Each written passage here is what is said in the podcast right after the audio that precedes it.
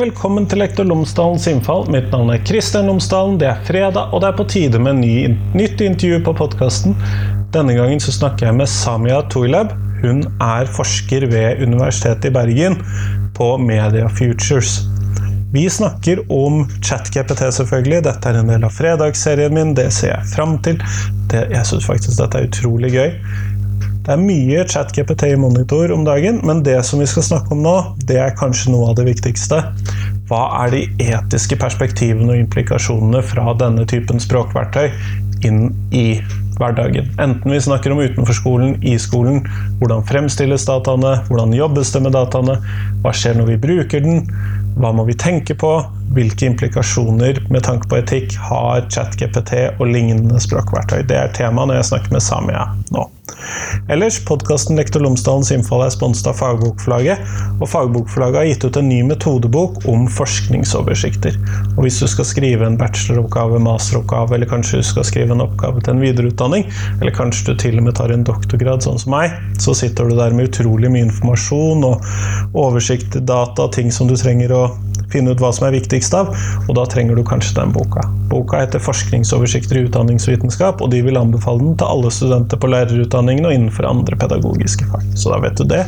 Sjekk den ut på fagbokflagget.no. Men nå, nå får du Samia her. Vær så god.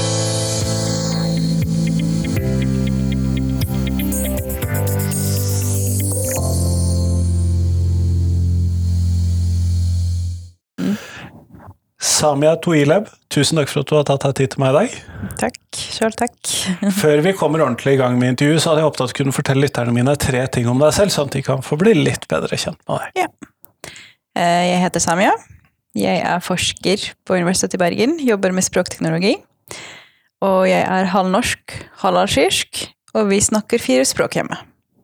Det hørtes ut som avanserte samtaler i seg selv. Nei da.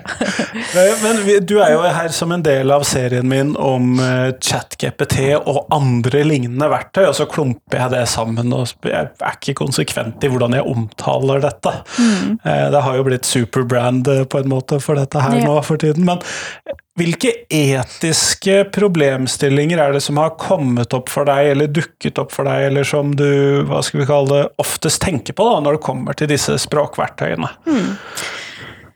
Altså ja, Vi kan snakke om språkmodeller generelt, og så kan vi snakke om ChatGPT, som er en spesifikk språkmodell. ikke sant? Så la oss begynne med ChatGPT. Så ChatGPT er jo laget av uh, OpenAI som egentlig ikke er så åpen som navnet tilsier, ikke sant. Um, OpenAI har jo blitt Eller de sier at de vil liksom skape AI som er åpen for alle, og gjøre det tilgjengelig for alle, ikke sant. Men i virkeligheten så vet vi veldig lite om hvordan de trener modeller, hvilken datasett de bruker. Um, og det har blitt verre og verre altså gjennom årene. Så ChatGPT er ikke den første modellen de lager. Eh, første modellen kom allerede i ja, jeg tenker 2019-2020, kanskje. Um, så det har liksom blitt teknologi etter teknologi som de har liksom åpnet opp. Uh, men akkurat ChatGPT, der sier de at de har bygget den opp på en uh, modell som heter GPT 3,5. Ikke sant? Um, men, og de forteller oss litt hvordan de har trent han, hvordan de har laget han. Men fortsatt, det er altfor få detaljer. Vi vet altfor lite, spesielt om datasettet de har brukt. og nå Forrige uke så sa de at uh, nå åpner de for GPT4, ikke sant?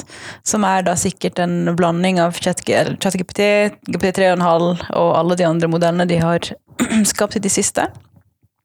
Og her sier de eksplisitt vi kommer ikke til å gi detaljer om eh, noe som helst, rett og slett. At de vil beholde det lukket, selv om de kaller seg for OpenAI. ikke sant? Så dette er allerede et etisk problem. Fordi hvis man skal tenke på forskning generelt, så må vi ha um, så må vi lage noe som er åpent og tilgjengelig for alle. Ikke sant? Det må være en mulighet å titte dem i kortene. Ja. Um, det andre er jo det med um, Altså, ChatGPT, den er jo før, den, før, du ser svaret til ChatGPT, så går den gjennom et lag som heter Moderation API. Og den der er laget for å moderere det ChatGPT skal si. For de ønsker ikke at ChatGPT skal svare med noe rasistisk eller sjåvinistisk eller noe sånt. Dette er det kulturfilteret folk snakker om? På en måte, ja. Um, og den, den der, den Moderation API um, Når de skulle trene en slik moderator, så har de visst brukt ansatte fra Kenya, hvis jeg ikke tar feil, som ble eh, veldig dårlig betalt, selvfølgelig, i forhold til amerikanske standarder. Og de som har måttet annotere, eller markere hvilken data var problematisk og hvilken data var greit, eh, beskrev hele prosessen som tortur. For de fikk store mengder data med Ja, man kan tenke seg hva slags forferdelige ting som finnes på internett, ikke sant? Og så ble de bedt om å, å si er dette noe eh, Ja, la oss si rasistisk, for eksempel, eller ikke. ikke sant? Så, så må de markere hva som er rasistisk, og hva som ikke er rasistisk. Og vi vet jo hvor rasistiske mennesker kan bli. Eh, så bare tenk på hvor mye Så dette er det verste av internett, Ja. antagelig, og så Ja. har de måttet lese gjennom dette for Ja. å markere Nettopp. problematiske sider. Nettopp. Slik at de kunne lage en modell som kan skille mellom det som er problematisk og det som ikke er problematisk. Og de ansatte som først og fremst um, ble veldig dårlig betalt, beskrev det som tortur. Ikke sant? Og det er jo allerede et problematisk um, altså at noe man bør liksom ta inn over seg. Så vi har for det første det med åpenhet, om at den egentlig ikke er så åpen. Og så har vi det med at ansatte har gått gjennom um, forferdelige forhold for å få det til. Og så har vi det med selvfølgelig alt med ChatGPT. Det med hallusinasjoner. Um, altså at den forteller av og til ting som ikke er sant. Ikke sant? At den på en måte Den lyver. skaper ikke hallusinasjoner for brukerne, men den forteller eh, hallusinasjoner. Ja, altså at den Det er feil å si den lyver, ikke sant? for det er jo ikke et menneske, men den, den, den dikter opp ting. Um, og det er jo helt normalt for en språkmodell. Det er det språkmodellen skal gjøre. De skal generere tekst. Ikke sant? Den er ikke, ChatGPT er ikke laget for å faktasjekke ting. Den er laget for å generere tekst. Og hvis den øh, ja, klarer å generere en tekst som gir mening, på en måte, statistisk, så er det en riktig tekst for ChatGPT. For det er jo den har jo ikke en annen måte å, å vite om dette er riktig eller ikke, utenom om det er riktig statistisk, på en måte. Den putter ikke fire jeg etter hverandre, for det gir ikke mening. Nettopp. For den vet at statistisk sett i språket så sier vi ikke jeg, jeg, jeg, jeg. Ikke sant? Og hvis jeg sier jeg liker å spise, og så ber ChatGPT å gi meg neste ord, så vet han at det ikke blir kjøleskap, f.eks. Eller det ikke blir eh, stol, men at det blir noe relatert til mat. Eh, og det er igjen, fordi statistisk så vet den at ok, disse ordene forekommer vanlig med disse slags ord, og da kan jeg velge et ord herfra, på en måte. Um, og um, også fra et sånn etisk nivå så må man jo også tenke på klima, ikke sant?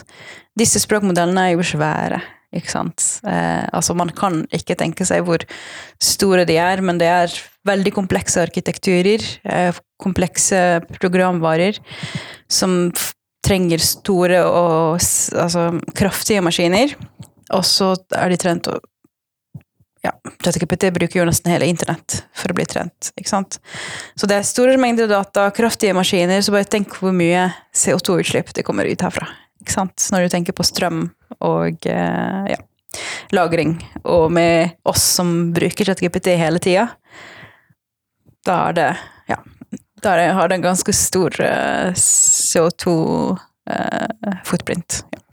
Men og det, dette med klimautslippet Mm. og dette med hva skal vi kalle det, arbeidsforholdene, de er Mm. hva skal vi kalle det, relativt selvforklarende for hvorfor disse er problematiske. Mm. Eh, vi skjønner at mennesker ikke skal ha dårlige arbeidsforhold, Nei. og vi erkjenner at klima kan være et, eller Mm. er et problem. Mm. Eh, men hvorfor er det et problem, slik du ser det, at vi ikke kan se hva de har under panseret? Er ikke det en Ja. forretningshemmelighet, osv.? Ja og nei. Eh, fordi um, Eller jo, selvfølgelig. Det er jo OpenAI er jo et firma, ikke sant? Eh, og de vil jo tjene penger på det. Og det er jo greit. Men problemet er at de bruker oss brukere for å forfine et produkt. Ikke sant? Så hver gang du snakker med ChatGPT, så tar de vare på det du, altså samtalen du har hatt med ChatGPT, slik at de kan gjøre modellen bedre. Så jeg kan trene den til å få mine meninger da, over tid. Ja, men du jobb, da betyr det at du jobber gratis for OpenAI.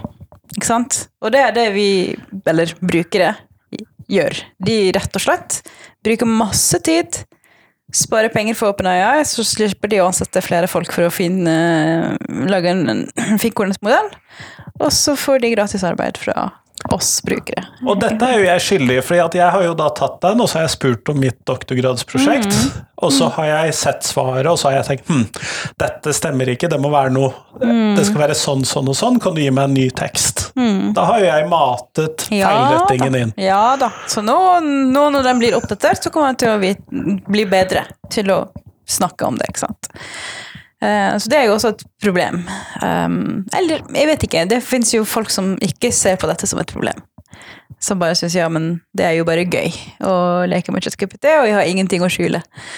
Men problemet er at de tjener på, penger på det. Det er det som er problemet. ikke sant? At, at eh, Ja.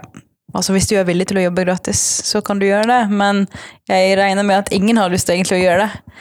Selv om det kun er for gøy.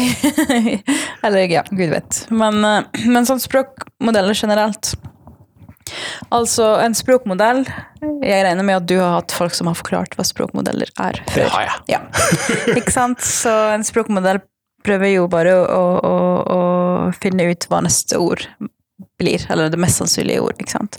Så hvis du tenker på internett i sin helhet, så vet vi jo at det inneholder ganske mye problematisk innhold. Eh, og da er det egentlig kanskje ikke overraskende at slike språkmodeller genererer også problematisk innhold. Um, og det er det etiske perspektivet som jeg fokuserer mest på. da. Um, ser litt på f.eks. urettferdigheter og skjevheter i det som blir generert av språkmodeller.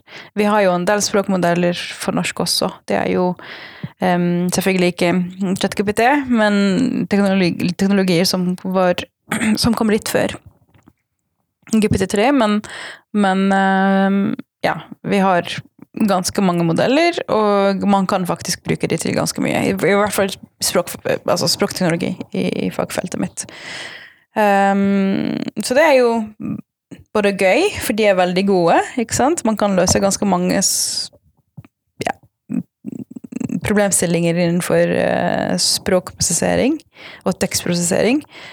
Men ja, ikke alle har en sånn moderator Moderation API som OpenAI har. Sånn at dette som kan være litt problematisk, Mm. er noe som kanskje også demper noe av problematikken på den andre siden, da.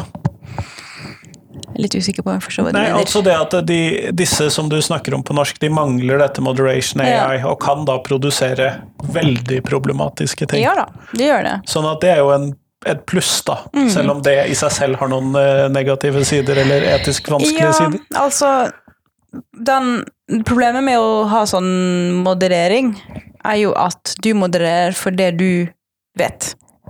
Eller det du har lyst til å moderere for. Det du klarer å forestille deg. Nettopp.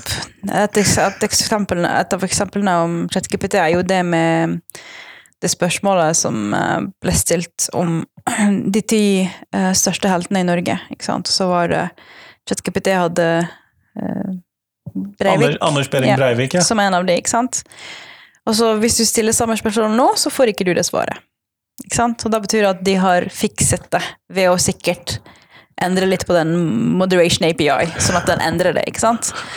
Og det er, og det er et eksempel om at de har fikset, eller vasket, la oss si, eh, ChatGPT for ting de visste om, og ting de kunne forestille seg, men ikke det de ikke visste om.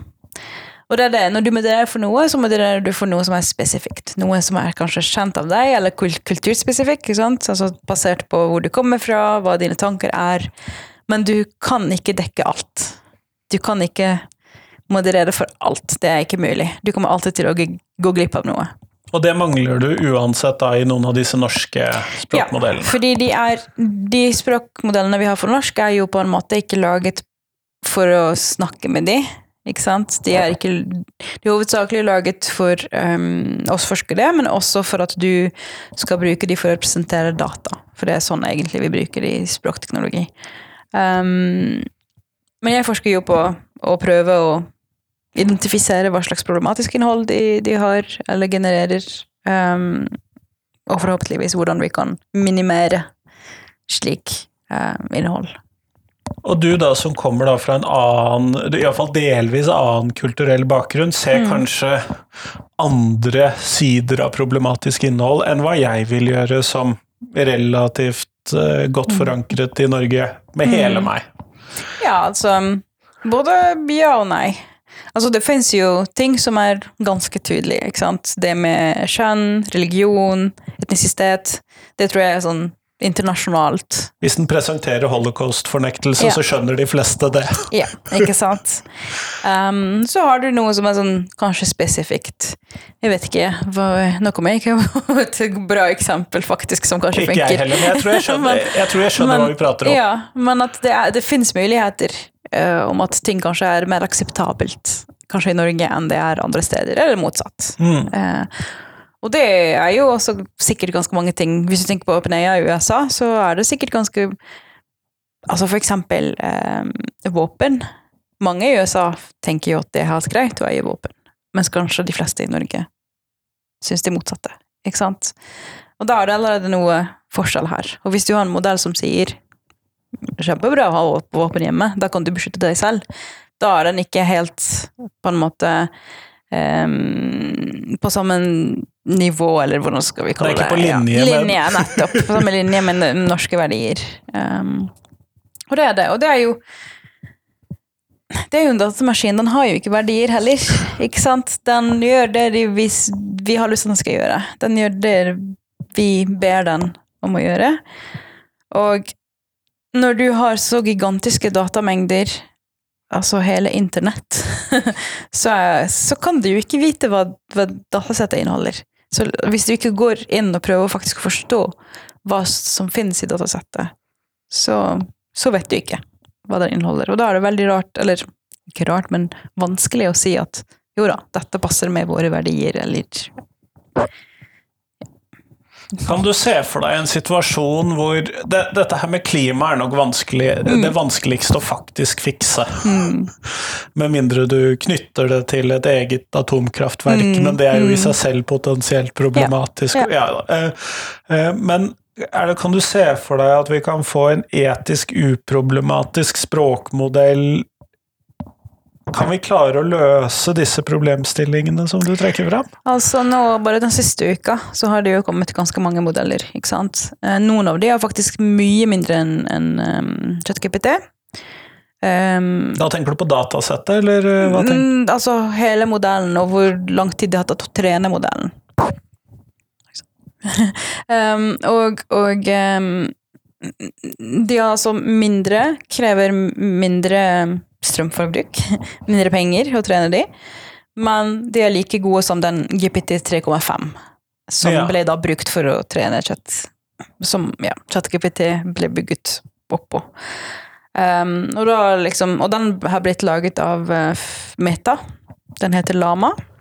Ja, altså Facebook-selskapet. Mm. Og der, sa de, ja, og der sier de at ok, her vi, beviser vi at vi kan få gode modeller som er trent på ja, Som er mindre, krever mindre tid, og derfor genererer mindre CO2-utslipp. ikke sant? Så vi går i den retningen, forhåpentligvis, at, at vi At man tenker mer og mer på klima når man lager sånne, sånne modeller. Og det syns jeg er veldig viktig. Og å løse klimakrisen er vanskelig, men så lenge man vet at slike modeller krever ganske mye, så tror jeg Å vite, altså, å vite problematiske aspekter av sånne teknologier, er det et bra første steg, tenker jeg alltid. Å bare vite og godta og bare kjenne de. Da kan du gjøre noe med det. Nettopp. Og selv om du tenker ok, klima er ikke noe jeg kan løse, så vet du i hvert fall at ok, hvis jeg bruker for mye ChatGPT, så betyr det at jeg bidrar til alt dette. Ikke sant? Og da kanskje betyr det at i stedet for å bruke det seks timer om dagen, så kan du bruke det én time. Ikke sant? Um, det etiske er noe som er veldig mm, liksom ja, viktig nå i, i, i, i forskning, forskning om AI generelt. For det er jo selvfølgelig ikke bare eh, etikk i forhold til språkmodeller, men etikk til AI generelt, ikke sant. Og, Ja, for AI kan jo være veldig mye mer Å, ja enn vi produserer tekst. Ja, ja, ja. ja. Jeg, er, altså, bare tenk på de deepfake-videoene, ikke sant. Det er jo mye mer enn bare tekst. Uh, og det er mange, mange aspekter innenfor AI som kan både være gode og problematiske. Um, og det med et, altså, prøve å lage gode s- Altså Gode modeller eller teknologier å tenke på både klima og etikk er ikke alltid enkelt. Spesielt hvis du er stort um, big tech i USA, hvor du må ja, Hvis du er en av de store fire, så vet du at oi, nå har den andre laget modell, da må jeg forte meg å lage en enda større, enda bedre. Ikke Da er det lett å putte noen mennesker i Kenya på dårlige kontrakter og torturere dem. Nettopp. Mens vi enkle forskere fra fattige land Altså Norge er jo selvfølgelig ikke fattig land, men, men når du sammenligner ressurser disse store firmaene har, og universiteter i Europa Altså De fleste ting er fattige sammenlignet med det. Ja, nettopp. Det er ikke sammenlignbart, ikke sant. Eh, og vi er jo enkle forskere. De har jo store grupper av forskere. Så det er litt vanskelig å konkurrere mot dem, men jeg tror at fra forskningsperspektiv i hvert fall, så er det veldig viktig at vi ikke bare fokuserer alvorforskningen på sånne eh, modeller, men heller prøver å liksom tenke ok, hva kan vi gjøre med de? Hva bør vi unngå å gjøre med de? Og bare ja, se på det kritisk, eh, selv om de er veldig gode. Så- En av de, fordi at jeg lager jo da en skolepodkast, og det handler Mm. jo primært sett om det som skjer i tilknytning til grunnskolen og videregående skole, og det er liksom der eh, mesteparten av dette svever rundt. Og da, det jo, Mm. da har man jo tenkt høyt tanker i norsk skolevesen, f.eks. knyttet til det å få eh, ChatGPT til å gi tilbakemelding på elever som en sånn underveisvurdering, som en Mm. del av en skriveprosess, f.eks. Er det noen etisk problematiske sider ved å skulle bruke ChatGPT inn i en skolehverdag, Yeah. så er jo kanskje det litt på siden av det du vanligvis tenker på, men Mm. litt sånn på stående fot. Altså, jeg tenker at ehm, man, må være, man må være veldig forsiktig med å dele ting med ChatGPT, for de kommer til å bruke datasettet, ikke sant?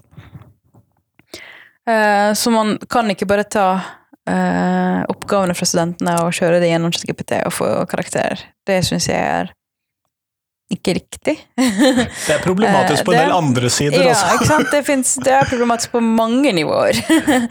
um, og man må være litt forsiktig, fordi med en gang du gir fra deg slik data, så, så er det ikke ditt lenger.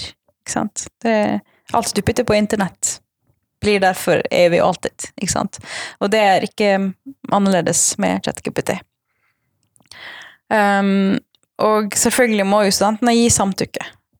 Og jeg tenker at hvis studentene ikke får lov til å la, svare, bes, eller besvare oppgaver med ChatGPT, så bør ikke læreren rette oppgaver med ChatGPT. Altså, det bør gå begge veier. Å bruke ChatGPT for kritisk tenking, det tenker jeg kanskje kan være faktisk interessant. Altså for eksempel be studentene å generere tekst med ChatGPT, eh, og så analysere de forskjellige tekstene. Og lage sin egen tekst. Det kan være faktisk bra å hjelpe studentene. Selv om den da har et utgangspunkt i ChatGPT-tekst. Ja, for da mister du ikke den kritiske biten. Ikke sant? Da har du oss mennesker som tar det som kommer ut av ChatGPT, analyserer det og tenker kritisk. For det er det vi ikke må glemme. Alt som kommer ut av ChatGPT, som jeg sa tidligere, er jo ikke fakta. Vi må, det må alltid sjekkes. Så uansett hva du skal bruke ChatGPT til, så må du alltid sjekke at det er riktig og sant. Um, Sånn at den refleksjonsbiten blir da viktigere, da. Mm. Ja, absolutt. Absolutt. Og det kan jo være bra verktøy, rett og slett. Altså for studentene, ikke sant? Eller elever. Å bare se hva slike teknologier kan skape, men også tenke litt kritisk om hva som kommer ut. Og så er det jo også det med kilder. Ikke sant? Uh, ChatGPT er jo ikke flink med kilder. Og hvis du Den er god til å finne de på og se, få de til å se ekte ut, da. ja, de ser veldig ekte ut, men de er jo ikke ekte. uh, og det er veldig viktig også å få frem og liksom vise det til studentene at det er ikke fordi du ber ChatGPT om å gi deg en kilde, at den faktisk gir deg den riktige kilden. Så man må også ha det, holde det i bakhodet at uansett hva ChatGPT sier, så kommer det fra et eller annet sted. Noen har skrevet det et, et, et eller annet sted, og da kan ikke du vite hvor det kommer fra. Fordi først så vet vi ikke hva slags altså, ek, eksakt datasett som er brukt for å trene ChatGPT, men også fordi ChatGPT er ikke skapt på den måten at den sier 'dette er referansene jeg har brukt'. Bing har jo Altså Bing som Microsoft prøver mm, De prøver jo å gjøre akkurat dette, ikke sant? Og liksom kunne gi det referanser. Men de har jo ikke klart det helt ennå. Uh, men det blir kanskje bedre. Men da må du bruke den kombinasjonen Bing-ChatGPT heller enn bare ChatGPT. Men er det ikke den som også blir skikkelig sur på deg Å oh, ja da. Den, eh, den eh, Og det er det. Der har det skjedd, sikkert skjedd noe feil med den eh, moderation API. ikke sant? Kanskje de, den ikke har blitt um, Ja, den har jo sikkert ikke blitt laget for å brukes med Bing i utgangspunktet. Og den måtte da sikkert oppdateres. Jeg vet ikke. Dette er bare mm, teorier, uh, fordi igjen, vi vet så lite. Ikke sant? Fordi de ikke deler Ja. dette med oss. Ja.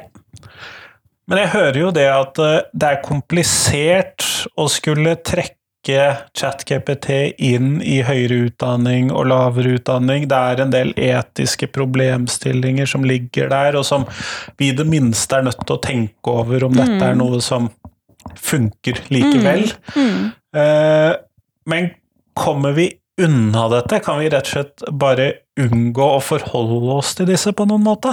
Nei. vi bør ikke det. altså Man må alltid tenke Uansett hva slags teknologi man skal bruke, så må man alltid tenke ok, vi må veie. Følger dette min integritet og mine verdier? Hvis ja, kjør på, bruk det. Hvis du føler at ok, her er det noe som kanskje ikke helt er på linje med det jeg ønsker, så bør du være ja, obs. Enten unngå å bruke det, eller ha tydelige retningslinjer. Ikke sant? Og det er det. Med ChatGPT i skolen så, så trenger vi retningslinjer. Vi trenger å vite hva som er greit, og hva som ikke er greit. Um, å generere tekst og, og levere det inn som om du skrev det, det er ikke greit. Ikke sant? Det er jo juks, rett og slett.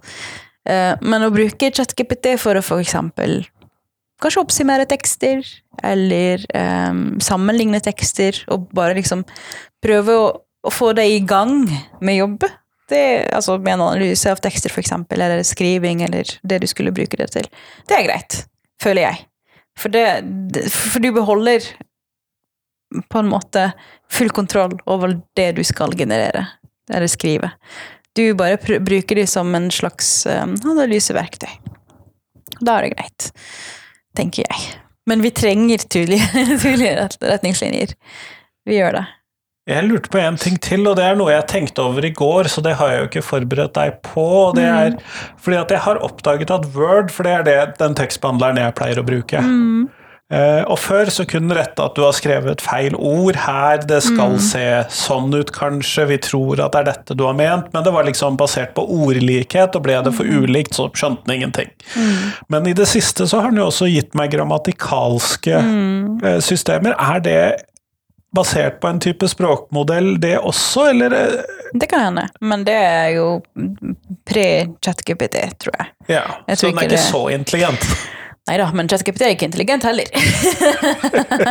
den bare later. Eller later, later. Det Men er den jo er bare en bedre maskin. til å late som. Ja, det er bare en maskin. Man må være veldig forsiktig med å liksom eh, Personifisere. Ja, og til og, gi den sånn menneskelig trekk. Det må vi være forsiktig med. ikke sant? Den er ikke intelligent. Det er en maskin. Den kan telle, den kan se eh, forekomster av ord, og, og så kan statistikk. Det er det den kan. ikke sant? Uh, og for å gå tilbake til den Word uh, Ja, jeg regner med at det er noen slags språkmodell som, som um, ja, både sier at For eksempel også i e-posten, ikke sant? At du begynner å skrive, og så sier den at dette kan være Ja, nå driver du Outlook og så foreslår hva jeg skal svare i e-postene Ja, dine. ja, og det, det er samme ting, ikke sant? For det er en språkmodell som vet cirka hva er sannsynlig etter det du skriver, og så sier han er det dette du har lyst til å skrive. Ikke sant? Eh, Og det er samme teknologi. Altså en språkmodell, rett og slett. Men det betyr jo det at selv bruken vår av eh, de vanlige kontorapplikasjonene egentlig på noen måter utløser noen av de etiske dilemmaene som det du allerede har snakket om, da. Altså stavkontroll? Nei. Jeg tror det går fint. um, innenfor sånn e-post så, så er det veldig lukket domene, ikke sant. Det er jo Og den, den Altså, hvis du skriver noe veldig spesifikt, så sier den aldri er dette Nei, for den kommer Andre- sånn på sånn møtetider. Hvis det noen sier et tidspunkt, så spør du ja, det fungerer fint. Ikke sant? Eller altså, du skriver 'beklager for', og så kommer det sent svar. Ikke sant? Men hvis du skriver noe spesifikt om det du har lyst til å snakke om, så, så får du aldri mulige sånn øh, endelser for din setning. Nettopp sånn at begrensningene de har Ja. lagt på den, eller modellen de har puttet inn, gjør at de etiske problemene blir mindre. Kanskje. Jeg tenker at de de har laget, er bare en modell som følger sånn enkle, kjedelige e-post-ting vi alle må skrive av og til. Ikke sant? Altså vennlig hilsen, og så navnet ditt, eller hei, navn til mottaker, eh, beklager sent svar, eller passe fint for meg, sånne ting. Ikke sant? At dette klarer den veldig godt, for det er det den, er blitt trent for, men resten kan den ikke, og derfor gir den deg aldri dette, eller den forutsier aldri neste ord når du snakker om noe spesifikt. Så slike språkmodeller som er innenfor e-poster, tenker jeg er ok. Sannsynligvis så har de veldig lite etiske problemer.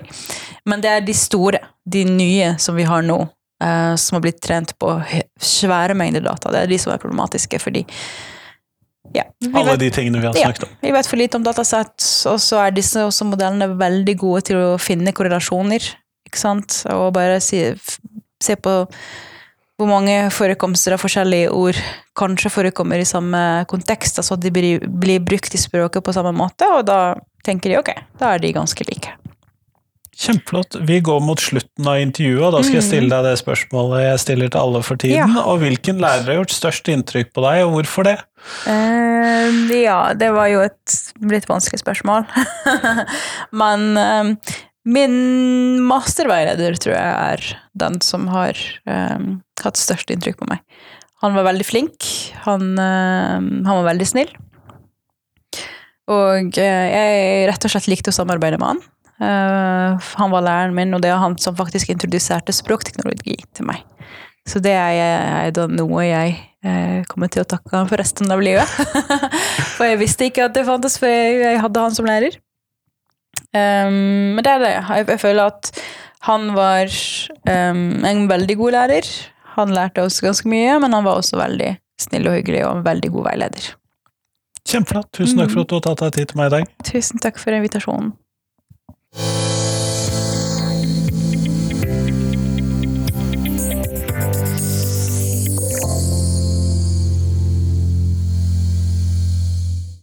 Tusen takk til Samia, og tusen takk til deg som hørte på. Nå er det fram til tirsdag, så kommer det et nytt intervju på podkasten. Det gleder jeg meg til som alltid. Jeg blir ikke lei av å si det. Jeg gleder meg alltid til disse episodene. Men du må fortelle meg hva du har lyst til å høre fremover. Fordi at jeg trenger tips for å vite hva som du syns er interessant. Ellers, podkasten Lektor Lomsdalens innfall runder snart 500 episoder. Tenk det, 500 episoder. Eh, Jeg syns dette er utrolig kult. Det feires med en livesending. Den blir digital, selvfølgelig. Den sendes på Facebook og YouTube 14. mai. 14. mai, altså. Klokken 12. Jeg skal sitte i Vadsø, faktisk. Eh, Noen andre sitter i Bergen. Men det blir lektorstudentene, det blir Simon Malkenes fra NTNU, det blir eh, utdanningspolitiske talspersoner fra Høyre og Arbeiderpartiet. Send inn dine spørsmål på forhånd. Tusen takk. Vi høres om en uke. Hei, hei.